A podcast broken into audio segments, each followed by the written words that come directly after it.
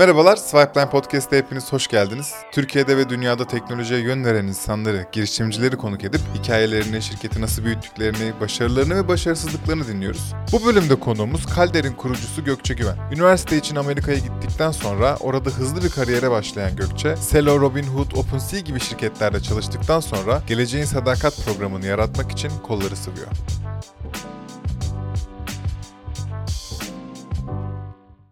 Gökçe'cim hoş geldin. Hoş bulduk. Amerika'da ayağının tozuyla hala jetlag olarak geldiğin için. Aynen öyle. ederim. Değer. Bugün zor bir bölüm benim Evet. için. Çünkü seni tanımıyoruz. Amerika'da yaşayan senelerdir Türkiye'de hiçbir bağ olmayan, hiçbir arkadaşımın arkadaşı olmayan bir insan. Calder'ı konuşacağız girişimini. 3 milyon dolar yatırım aldılar çok yeni. Şu an waitlist'te yani daha her isteyen gidip kullanamıyor. Hala ben Evet. ürüne de bakamıyorum. Bayağı seni tanıyacağız. evet. Çok heyecanlıyım. Çünkü e, markalar için, marka sadakati için, içerik üreticileri için ve Evet. topluluk konusu için öyle sıkıştırılmış çok e, derin konular olacak burada. Evet. O yüzden öncelikle bize bir kalderi anlatarak başla. Kalder aslında yeni jenerasyonun sadakatlik programı ve community programı. Arkasında blog zinciri yatan bir altyapı kullanıyoruz. Ama en özünde şunu fark ettik. Aslında dünya bir paradigma shifti geçirmek üzere. Markalar içinde, creatorlar içinde ad costları even out etmiyor. Bu ne demek? Marketing dünyası artık markalara da yaratıcılara da verim getirmiyor. Ve sadakatlik bir marka ve bir yaratıcı için daha önce hiç bu kadar önemli olmadı. Kesinlikle. Kendi komünitesini yaratmak her marka için çok önemli. Peki Kalder bu konuda ne yapıyor? Kalder Shopify gibi white label bir şekilde markaların veya creatorların kendi sadakatlik programlarını yaratmalarını sağlıyor. Peki bu ne demek? Kalder'in playbook'unda bu aslında e, bir markanın gelip kendi üyelik programını yaratması ve journey ya da experience dediğimiz engagement'ları yaratması. Bunu nasıl yapıyor? Biz şunu fark ettik aslında. Bir marka ve bir yaratıcı her zaman community'sini aktive etmek istiyor. Onların e, bir etkinlik yapacağında bin kişinin onlara e, e, takip edeceğini biliyor ya da ürün yara- yaratacağında en büyük fanların aslında bu ürünü almasını Kesinlikle. istiyor. Ve e, biz bu etkinliklerin aslında programlarını yazıyoruz. Ve bu etkinliklerin e, membership tier'larına bağlı olmasını sağlıyoruz. E, ve en son olarak her markanın ve creator'ın kendi token reward'unu çıkarmasını sağlıyoruz. Ve bunun tüm token ekonomiklerini hallediyoruz ki markanın tek düşündüğü şey ben community memberlarımı nasıl reward edebilirim olsun. Şimdi Evet. öncelikle fark ettiğiniz üzere bu insan bolca İngilizce konuşuyor. Hayır. İnsaflı olun. E, kimse laf etmesin. Çünkü Amerika'dan geldi. Yapacak bir şey yok. Türkçe konuşmuyor bu kız günlük hayatında. Ben üzgünüm Bizim arkadaşlar. Teknolojiye kayınca ya da bizim işe kayınca Konuşmak e, jargon zorundayız. çıkıyor. Bunda yılmıyoruz, bükülmüyoruz. Küfür ediyorsunuz. Evet. Ama yine de hayır abi bu buranın jargonu bu bence evet. hepimiz Ama de. alayım. O yüzden e, yani doğma büyüme. Ben buraya geleceğim. evet. Ürünü çok ayrıca konuşmak istiyorum. Çünkü beni Evet. heyecanlandıran konular. Ürünü Ben konuşalım. Beni de heyecanlandırıyor. içinde- aynen. Swipeline için de kullanabileceğim bir şey. Benim eski mesleğimle de çok ciddi alakalı şeyler. Evet. Ama önce, önceden benim de para kazanmam lazım Gökçe'cim. Ee, Ne size videonun konuşacağız? Sponsorunu sponsorundan bahsedeceğim. Mükellef videonun sponsoru. Kendisiyle tek tuşla Amerika'da, İngiltere'de, Almanya'da, Hollanda'da, Estonya'da artık saymakla bitmiyor fark etseniz yıl içinde. Ve tabii ki Türkiye'de şirket kurabiliyorsunuz. Daha iyisi e, şirket kurduktan sonraki bütün bu finansal ve yönetim süreçlerini tek arayüzden hallediyorsunuz.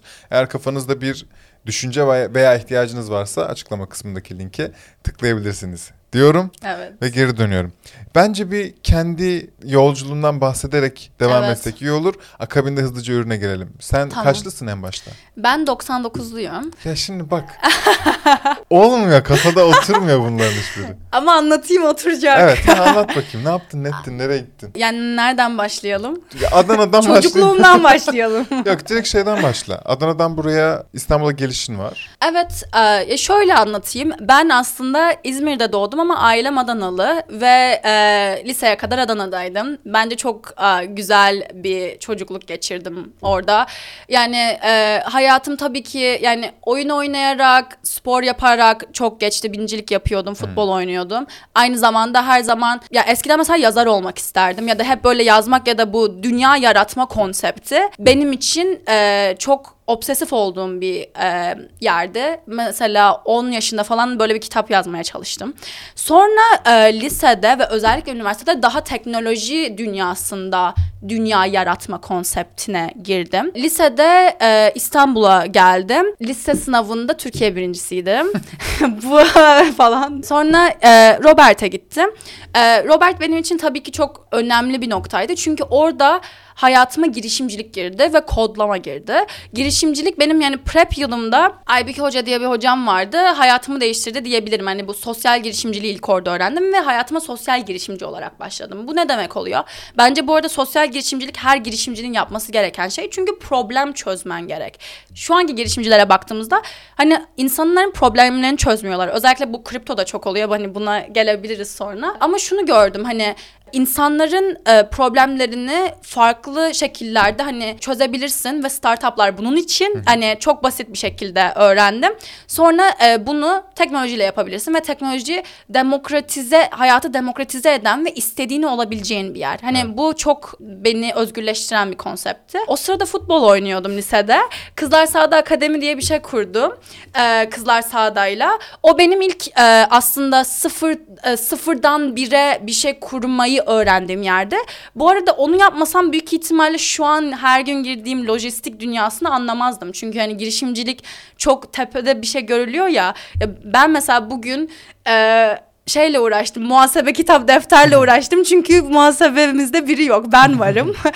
yani o o dünyayı anladım. Ee, sonra sonra Berkeley'e gittim. Ee, Berkeley'de engineering ve e, business yaptım. Ve orada aslında kripto dünyasına 2017-2018'de girdim ve o benim için bir dönüm noktasıydı. Çünkü 2010 2017'de 2017-2018 kriptoda initial coin offering yani herkesin token sattığı ve herkesin birbirine kakaladığı bir dünyaydı. Ama orada o zamanda kalanlar o zaman aslında 2018 şu an 2022'ye çok benziyor. Çünkü yine çok um, scam dolu bir dünya gibi görünüyor kripto. Ama e, şu an kalan projeler ve blok zincirine teknoloji olarak ilgili olan insanlar aslında ilerideki 2026 cycle'ını lead edecek insanlar. O ben bunu 2017'de gördüm. Hani o zaman zaten 17-18 yaşındayım ve Blockchain at Berkeley diye bir kulübe girdim Berkeley'de ve kulüpte işte ben e, en küçüktüm ve en büyüklerin hepsi e, drop out ediyordu. Hmm. Şirket kuruyorlardı. Mesela Kozmos'un ilk kurucularından biri e, benim o zamanın 21 yaşındaki arkadaşımdı. O zaman Coinbase biz SF Blockchain Week'i kurmuştuk. Fred Ersam geliyordu, şey geliyordu, e, Tarun Chitra geliyordu ve hani bugün çalıştığım insanlarla o gün hani böyle bebekken tanıştım gibiydi ve o zaman zaman aslında fark ettim. Bir, ben kriptoda bir şirket kuracağım. İki, benim hani çevremdeki herkes bunu yapıyor. Ben bunu şu an yapabilirim. Hani o onu görmek aslında benim için çok önemliydi. Sonra birkaç şirket ve proje kurdum aslında. Anonymously olarak kurdum. Hmm. Farklı şekillerde yaptım. Neler yaptın? Bir e, landing e, yani e, landing platformu kurdum Sero üzerine. E, bu Decentralized Finance yani DeFi'nin ünlü olmadığı zamanlardı. Hmm. 2019'du. İlk zaten Celo'da çalıştım. Celo'da bir e, Layer One hani bu birinci katman yani blok zincirinin Ethereum gibi e, bir proje. Onun ilk 50 kişisindeydim. Sonra oradaki cüzdanı yazan 4 kişilik bir ekipteydim. O zaman 19 yaşındaydım. O e, proje zaten şu an 10 milyon kişi kullanıyor. ya bak bu çok garip geliyor bana. Neden? Bu bana mı garip yoksa hakikaten her, dünyadaki herhangi bir memleket, herhangi bir ülke ve herhangi bir topluluk içinde garip mi?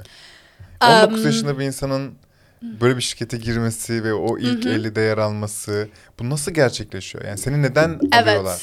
Ve hangi koşullarda giriyorsun sen Evet. Oraya? Sen Bu okuyorsun çok doğru bir, bir soru. Okuyorum ve okuldan o kadar çok drop out etmek istedim. O kadar sorun yaşadım ki. Bir ara beni hani ülkeden kovacaklardı. o da ayrı bir hikaye. Hani o çok neyse ki kovulmadım ve şu an her şey iyi. Ama bu tamamen kriptoda özel bir şey. Hani bu arada çok haklısın. Artificial intelligence dünyasında bunu yapmaya çalışsan, e, machine learning dünyasında bunu yapmaya çalışsan herkes sana güler.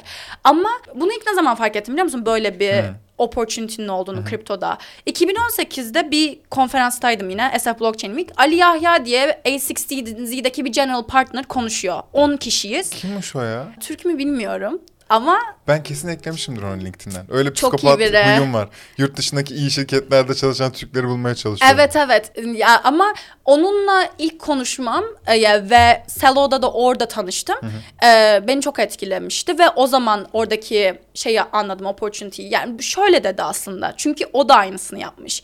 E, dedi ki ben bundan önce Stanford'da 10 yıldır AI research yapıyordum ve şunu fark ettim. AI'da 80 yaşında olup bir PhD'den sonra çok bilinen biri olabilirsin ama e, kriptoda 18 yaşında Evet. olup en iyi projeyi kurabilirsin. Çünkü bir kripto çok yeni. Hani e, yani Bitcoin bile aslında baktığımızda daha yeni çıkmış. Değil mi? Hani 2008 yani bu dünya çok yeni teknoloji diğer teknoloji yapay zeka gibi teknolojilere baktığımızda. İkincisi çok yeni olduğu için çok fazla inove edecek yer var ve e, bu inovasyondan bir parça tutup onu senin yapabilirsin. E, ve e, öğrenme curve'ün çok daha hızlı. Kesinlikle. Hani AI'yı ya, yapay zekayı şu an öğrenmeye çalışsan o kadar çok inovasyon var ki nasıl onu tutturacaksın?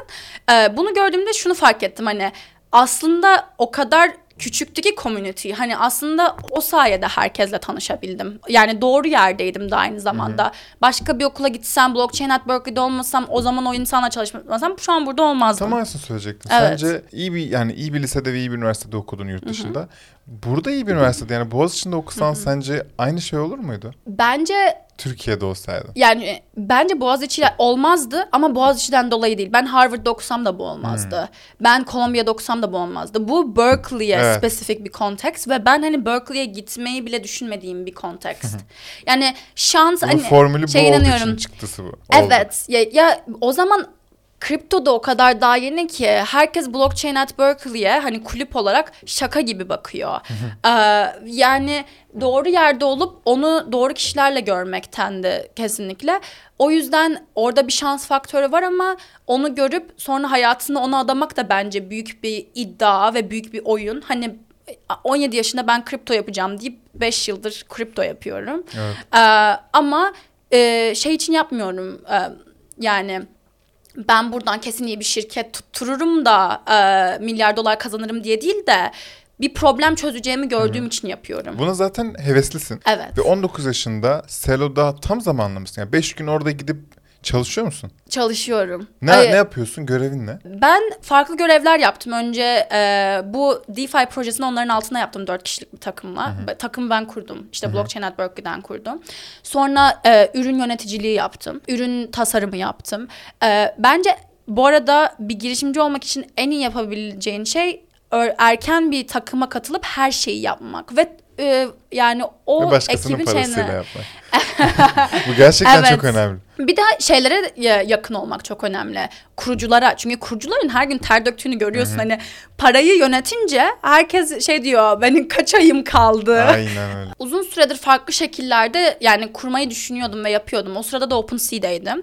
Ve e, OpenSea'de yaptığım bir projenin GitHub sub projesi olarak çıktı aslında Kalder Ha, bir başta. dakika nasıl anlat bakayım orayı. OpenSea'nin biz hani profillerini yaptık, learn page'ini Evet. yaptık. Sonra Christie's ve Vogue projesi geldi. Bu da hani ilk marka e, sadakatlik projesinin hani e, V0'ı gibi bir şey. Çok yeni versiyonu ve bunu ben yapıyorum ve birkaç kişiyle beraber yapıyoruz. E, onu yaparken şunu fark ettim. Hani markalar NFT'lere NFT olduğu için gelmiyor. Bi- Gerçekten marketing ve pazarlama problemleri var. görüyorlar. Aynen Evet öyle.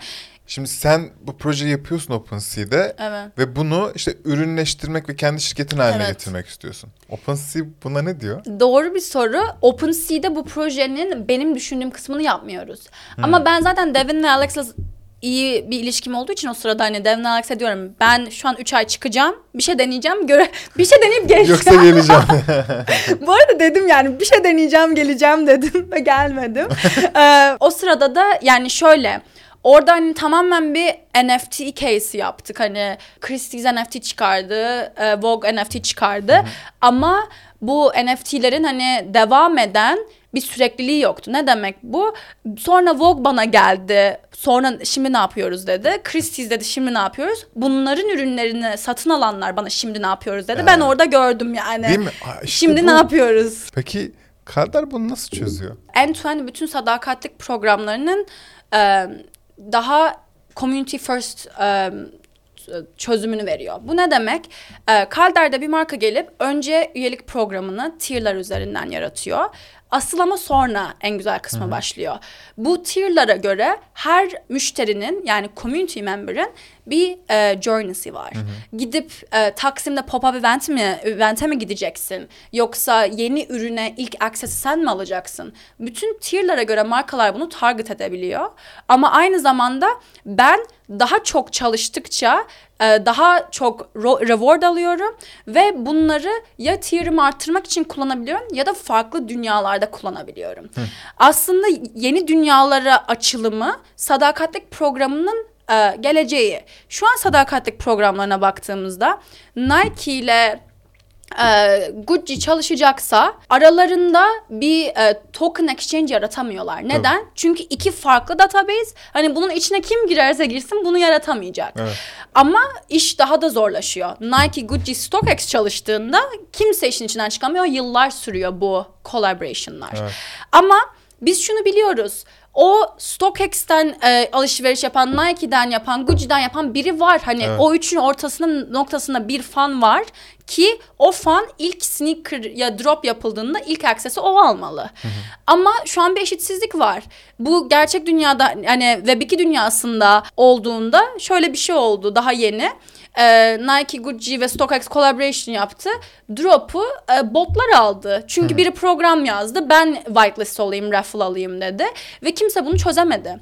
Peki Calder dünyasında ne oluyor? Membership'inde contribute to earn experience'lar yaptığında yani markanın dediği daha oyun gibi experience'ları tamamladığında reward'ları topluyorsun. Sonra tier arttırdıkça bu exclusivity'in ve engagement'ın artıyor. Bir, o community'ye access'in oluyor. Hem oradaki memberlarla konuşabiliyorsun, hem live'lara katılıyorsun, hem belki o DJ'in arkasına, backstage'ine gidiyorsun. Hani bu experience'ları tamamen markalar seçiyor. Ama iki, o markanın collaboration ettiği dünyalarda da kapıları açıyorsun. Ee, mesela şöyle bir dünya olacak ileride. Nike token'ını StockX'te kullanabileceksin. StockX'ten Starbucks'a geçeceksin. Starbucks'tan Swipeline'a geçeceksin. Aynen öyle. Eskiden Evet. hepsi kendi içerisinde bir dünya. Ben Starbucks'ın istediğini yapacağım ve onun puanını kazanacağım. Aynen. Ve puanı yine Starbucks içinde harcayacağım. Evet. Artık oradaki şey neyse. Bana verdiği ödül neyse. Aynen. Keza Nike'de de öyle. Swipeline'da da öyle. Swipeline'da şu ana kadar yok ama hadi öyle, Evet. öyle bir dünyada var. Ama şimdi hepsi aynı database'de, aynı zincirde buluştukları için. Aynen öyle. Ve akabildikleri için bu zincirin Evet. içinde. Ben e, onlar izin verdiği sürece sanırım değil mi? Aynen. heh, aynen. Ben artık Nike'deki bütün bilinirliğimi, bütün Aynen. reputasyonumu, belki varlığımı, bir işte token, coin varlığımı bambaşka bir şey için Aynen öyle.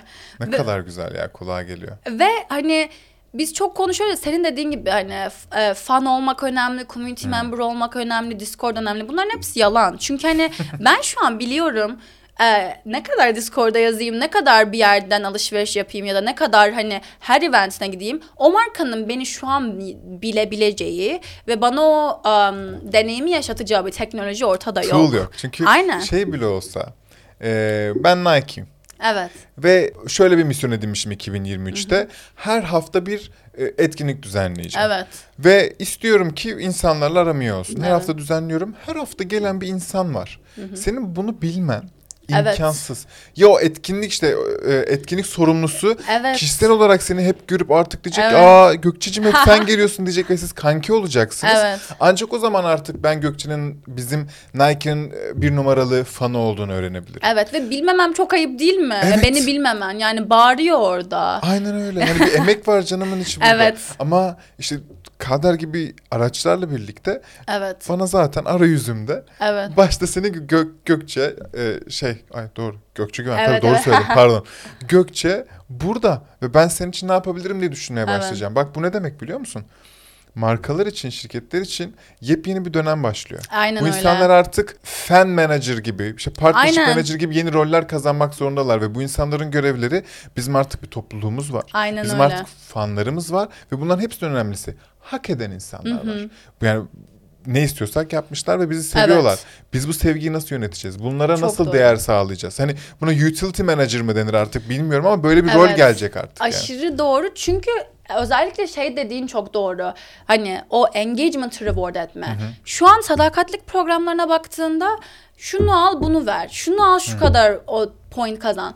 Ama ve mesela yeni e, jenerasyon markalarda bunu görüyoruz. Yeni jenerasyon markalara en çok e, katkıda bulunan kişi ürün alan değil ki. Onun için YouTube videosu yapan, onun için sneaker boyayan, hani Nike'de, Supreme'de bunu görüyoruz. Ya Supreme'in önünde her gün bekleyen bir adam var. Hiçbir şey almıyor, sadece vitrine bakıyor. Ya o adam daha değerli çünkü o adam influencer, o adam advocate ve hiç para almadan bunu yapıyor. Ben böyle bir teknolojinin bir yeni bir data e, e, merceği açacağını düşünüyorum. Hani bunu şimdiden bile görüyoruz. Biz mesela e, NFT impressions diye bir data metriğimiz var ve biz şunu gördük. Şu an hani e, Instagram ads veriyorsan impressions var ya, clickleri takip ediyor Instagram. Clickler aslında engagement'ın doğru bir track'i değil. Çünkü şeyi bilmiyorsun. Gerçekten click ediyor ya da sağa kaydırıyor mass kaydırıyor da olabilir. Ama NFT backed altyapıda bir e, impressions yaptığımızda şeyin heat map'ini bile çıkarabiliyoruz member portalının. Member portalda kimler dolaştı, hangi aktiviteleri yaptı, kimler proof gönderdi, proof'un kalitesine. Hani engagement'ın quality indeksi tamamen değişecek. Bu datayı değiştiriyor.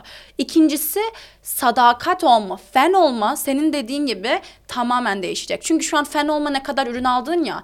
Ürün aldın yani şeye belli. Belki de ben alıp bu ürünlerin hepsini başka yerde satıyorum. Evet. Ama e, ben bunlar için YouTube videosu yapıyorsam, post yapıyorsam, her yere gidiyorsam o asıl fandım. Ve bunu track ettiğimizde markaların bu brand awareness'ı tamamen değişecek. Güvenli bir ortam değil mi? Yani ben burada spamle karşılaşmayacağım, trolle karşılaşmayacağım, botla karşılaşmayacağım. Sanırım bir de o marka Evet. için o özelliği var. Çünkü herhangi başka bir tool'u kullanmaya veya Discord bir şey mesela. bambaşka bir Çok dünya kötü. Yani şu an Discord'da olan hepimiz biliyoruzdur. Hele hele NFT için oradaysanız sürekli DM geliyor herkesi kandırmaya çalışıyor. sürekli bir linke tıklanmanız bekliyor. Evet. Veya sürekli e, yazı var ve anlamlı değil hiçbiri. Bun- Bundan daha ay- ayrılmış bir ortam herhalde Aynen kadın öyle. ortam. Onu sağlıyor. Ya şöyle biz tamamen e, hani bu member portal dediğimiz yer bu topluluk üyelerinin e, yeni hani bu dijital evi olması için uğraşıyoruz. Bu ne demek? Hani o o m, NFT ile membership'leri yapmamızın nedeni de o. O membership olmayan kimse o portala giremiyor ki botlar olmasın ya da e, gerçekten engagement based olsun. E, bunları ayarlamak için zaten tamamen end to end bir e, ürün veriyoruz. Çünkü markaların bunu ayarlayacak teknolojisi yok ve uğraşamayacaklar da. Bunların hepsine ikna oldum. Evet. İkna olmadığım tek şey şu. Anlamaya çalışıyorum. Evet. Ve lütfen bana anlat. Ben bir DJ'yim. Ee, aynen. Ee, ve ben aynı talepleri. Şimdi ben Discord kanalı açtım ve dedim ki bir topluluğum da var. Ee, az buçuk da olsa. Ve dedim ki dostlar gelin buraya. Kademeleri de ayarladım. Hani orada da bir tier sistemi var, Evet. kademe sistemi var. Herkes işte kademe birden başlayacak. Ben size görev vereceğim. Bir şeyler rica edeceğim. Ee, bir şey çıkartacağım, almanızı isteyeceğim vesaire. Ve bu sahiplikleri ve e, dediklerimi yaptığınıza göre kademe arttıracağım. Evet. Ve e, işte kademe 3'ün ödülü benim hemen arkamda durmak. Kademe 2'nin ödülü e, bilet vereceğim sana. Kademe Evet. 1'in ödülü de işte sallıyorum sticker vereceğim. Evet. Neden olmuyor? Ben şu an bunu hayo yapıyorum. Yani Evet. ben bunu yapabiliyorum istersem. E, insanları da tanıyorum. Eminim ki analitik tool'lar da vardır Discord için, Evet. içinde. Hani ben bu insanları e, tanıyacağım. Hı hı. E, bunu Neden? neden kaldır o zaman? Discord'dan gidersek verification. Yani sen bu görevi yaptığında e, bizim e, bir altyapıda verification ve proof sistemimiz var. Hani e, bir content atıyor sana diyelim. Hani benim için bir Instagram post yap diyorsun. E, ya da yeni yaptığım ürün drop'unun aynen postunu yap diyorsun. Sana bir link atıyor. Biz bu linkin quality'sini, bütün gerçekliğini kontrol edip sana veriyoruz. Markalar ve creator'lar bunu yapmak istemiyor. İki, bu e, linklerin datalarını toplayıp sana content olarak geri veriyoruz. Sen bunu reuse et diye. Hani content zaten bir marka için en önemli şey. E, bu üçüncüsü bu şekilde de botları e, e, elimine edebiliyoruz. Ama bu noktadan e, çıktığımızda aslında ikinci nokta hem bunun niye blok zincir üzerinde olması gerektiği hem de bu Discord'un neden yapamayacağını gösteriyor. Token ekonomisi ve token Evet, ve doğru. NFT membership. Bunu neden biz NFT'de ya da token'da yapıyoruz? Hani aa token olsun, heyecanlı olsun diye değil. Em, ben şu ana kadar e, bir Discord'da beraber toplayıp at- atıyorum yine Swipeline ve DJ Blondish arasında bir token interoperability exchange yaratmaya çalışsam dur otur yap bunu bir yıl boyunca. Blondish ben daha yüksek olayım der. Swipeline ben daha yüksek olayım der. Ama ya da American Express'in sadakatlik programına baktığımızda American Express'in içeri almadığı kimse içeri giremiyor. Evet. Ama e, Calder'de ne var? Arkada hani Uniswap gibi bir exchange var. Bu exchange her şeyi otomatik olarak karar veriyor. Senin engagement'ına göre karar veriyor. Ve o loyalty token pool'unu ekonomisine ayarlıyor. Ki marka olarak ben bunu düşünmeyeyim. Ee, yani ve e, NFT ve token olmasının bir nedeni de şu. Mesela Swipeline başka bir tool kullandı. Calder kullanmadı. E, Bu yine de okey. Neden? Çünkü aynı blok zinciri üzerinde olduğumuz için bizim markamızla biriyle çalışmak istediğin anda her şey hazır. Hani bu zaten evet, neden blok zinciri dediğimizde bence beni heyecanlandıran en büyük nokta bu. Her şeyin e, birbiriyle collabora- collaboration olabilecek bir dünyaya doğru gidiyoruz. Üçüncü noktada şu markalarda özellikle şunu görüyoruz. Discord'dan nefret ediyorlar. Bilmiyorlar o yüzden yani. Evet ama mesela creator'lar seviyor ama o da programmable değil. Mesela ben Discord'um bir sürede açılsın, bir sürede açılmasın, Shopify'ma entegre olsun. Ee, markalar ve creator'lar aslında Discord'un logosunun bile olmasını istemiyor. Ee, o yüzden biz böyle Shopify gibi tamamen white label bir e, proje yani bir e, ürün yapıyoruz ve ürün tamamen mesela app'in içine koyuyoruz. Biz şu an mesela bir e, lüks pla- e, fitness platformuyla çalışıyoruz. E, 360 e, membership location'ı var. App'in içinde Calder'in cüzdanı var ama kimse bilmiyor. Hmm, okey anladım. E, bu kadar hani seamless olması gerek. Çok minik sorularım kaldı. Evet. Birincisi bu üründen başka var mı? Şey hani rakibi var mı bunun? Yani yeni çıkan rakiplerimiz var ama çok daha yeni bir ekosistem ve herkes farklı ilerliyor. Özellikle hani daha Web2 gibi yapan rakipler çıktı ya da bizden sonra bir iki hafta sonra raise eden hadi bunun üzerine bandwagon atlayalım çok oldu. Şimdi hele çok o daha çok oluyor. Hani her hafta biri bana şey forwardlıyor. Bak yine Web3 yapmışlar. loyalty yapmaya çalışmışlar. Yani tabii ki bence çok e, dolu bir ekosistem olacak. Her consultant da üzerine atlamaya çalışıyor. E, Bizim case study'lerimizi kullanan bir consultant ve e, şirket gördüm. Ha, Hani, harika. e, ama e, eminim ki hani daha düzgün ve hani markaların sorunu çözen kazanacak gibi bir yer olacak. E, parayı nasıl harcayacaksınız? Nasıl harcıyorsunuz? Evet ya paranın en önemli noktası mühendislik ve teknoloji resource'ları. Tabii. Aslında şu an biz e, 8 kişilik bir ekibiz ve em, Bütün çok özür dileyerek. Evet. Bütün bu bahsettiğin operasyona 8 kişi de çok az bu arada. çok az. Yani kişi başı üretilen değer bayağı yüksek kaldı gibi hissediyorum. evet. E, bizim pricing'imize göre de hani Umarım her şey iyi giderse profitable bir kom- şirket güzel. bile olabiliriz İnşallah. ileride. Ya tabii ki büyük e, yani ileride tekrar fundraise edip scale ederiz onun yerine. Ama dediğin gibi burn rate'imiz bir şirket olarak az. Ve bunu bilerek yapıyoruz. Çünkü ekonomi çok kötü. Kripto kötü. Ya bu ekonomide kazanacak şirketler slow burn, high growth şirketler olacak. Kesinlikle öyle. O yüzden ben her şeyi çok kısmaya çalışıyorum ve hani bana baktığı için her gün Excel'deyim. Ama e, bizim için en önemli resource tabii ki engineering design ve R&D resource'lar yani insanlar ve investing in the right people. E, bunun dışında tabii ki lojistikte birkaç şey oluyor. Ama baktığımızda ofisimizi bile yatırımcımızın ofisini kullanıyoruz. Öyle mi? çok güzel. E, New York'a Ya, bekleriz. Bayağı iyi fırsat ya. Ben şu an Evet. öyle bir şey olsa gel desen giderim. Gider gider kısmak gider kısmaktır yani. Evet. Neredesiniz? Kimin ofisindesiniz? Ee, e, iki ofis kullanıyoruz. New York'ta um, Contrary Capital'ın kullanıyoruz. Ee, SF'te de e, Human Capital'ın kullanıyoruz. güzelmiş. Onlara selamlar falan. çok iyiymiş. Dinliyorsanız eğer. evet. Buyurun bekliyorum falan dinliyorsanız. Arka çok iyi. Hep insana yatılacak, iş büyüyecek anladığım kadarıyla. Evet iş ekstra bir şey büyüyecek ve yani tabii ki yani başka ne COGS var en büyük düşündüğüm. Legal var açıkçası. Çünkü Hmm. legal neden var? Kripto dünyasına baktığımızda çok fazla scam olan bir yer ve biz işleri doğru yapmaya çalışıyoruz. Hani token çıkarınca markanın token nasıl çıkar? NFT'si nasıl çıkar? Ee, ve kripto işinden anlayan legal çok az. Ee, o yüzden hani tabii ki costly oluyor o da. Hani bu tür daha genellikle teknoloji ve hani invest into growth in the company gibi işte şeylere ya, em, para harcıyoruz. Ha, şey 3 milyon aldınız. Ne kadar değerlemeden aldınız? Söylüyor musunuz? Ee, söylüyoruz post money 15 million'dan aldık pre-seed olarak. Yani ileride her şeye giderse 15 milyon yaparız. Aynen. Nereye gidecek sence bu iş? Nereye gidecek? Evet. Başka bir insider hikayesi anlatıyor olur muyuz? Ya Türkiye'den çıktı denmez buna ama yine de Çıktı e, denir seni ya. seni şey görür müyüz Nasdaq'ın e, ekranında suratını? Ne İnşallah. diyorsun?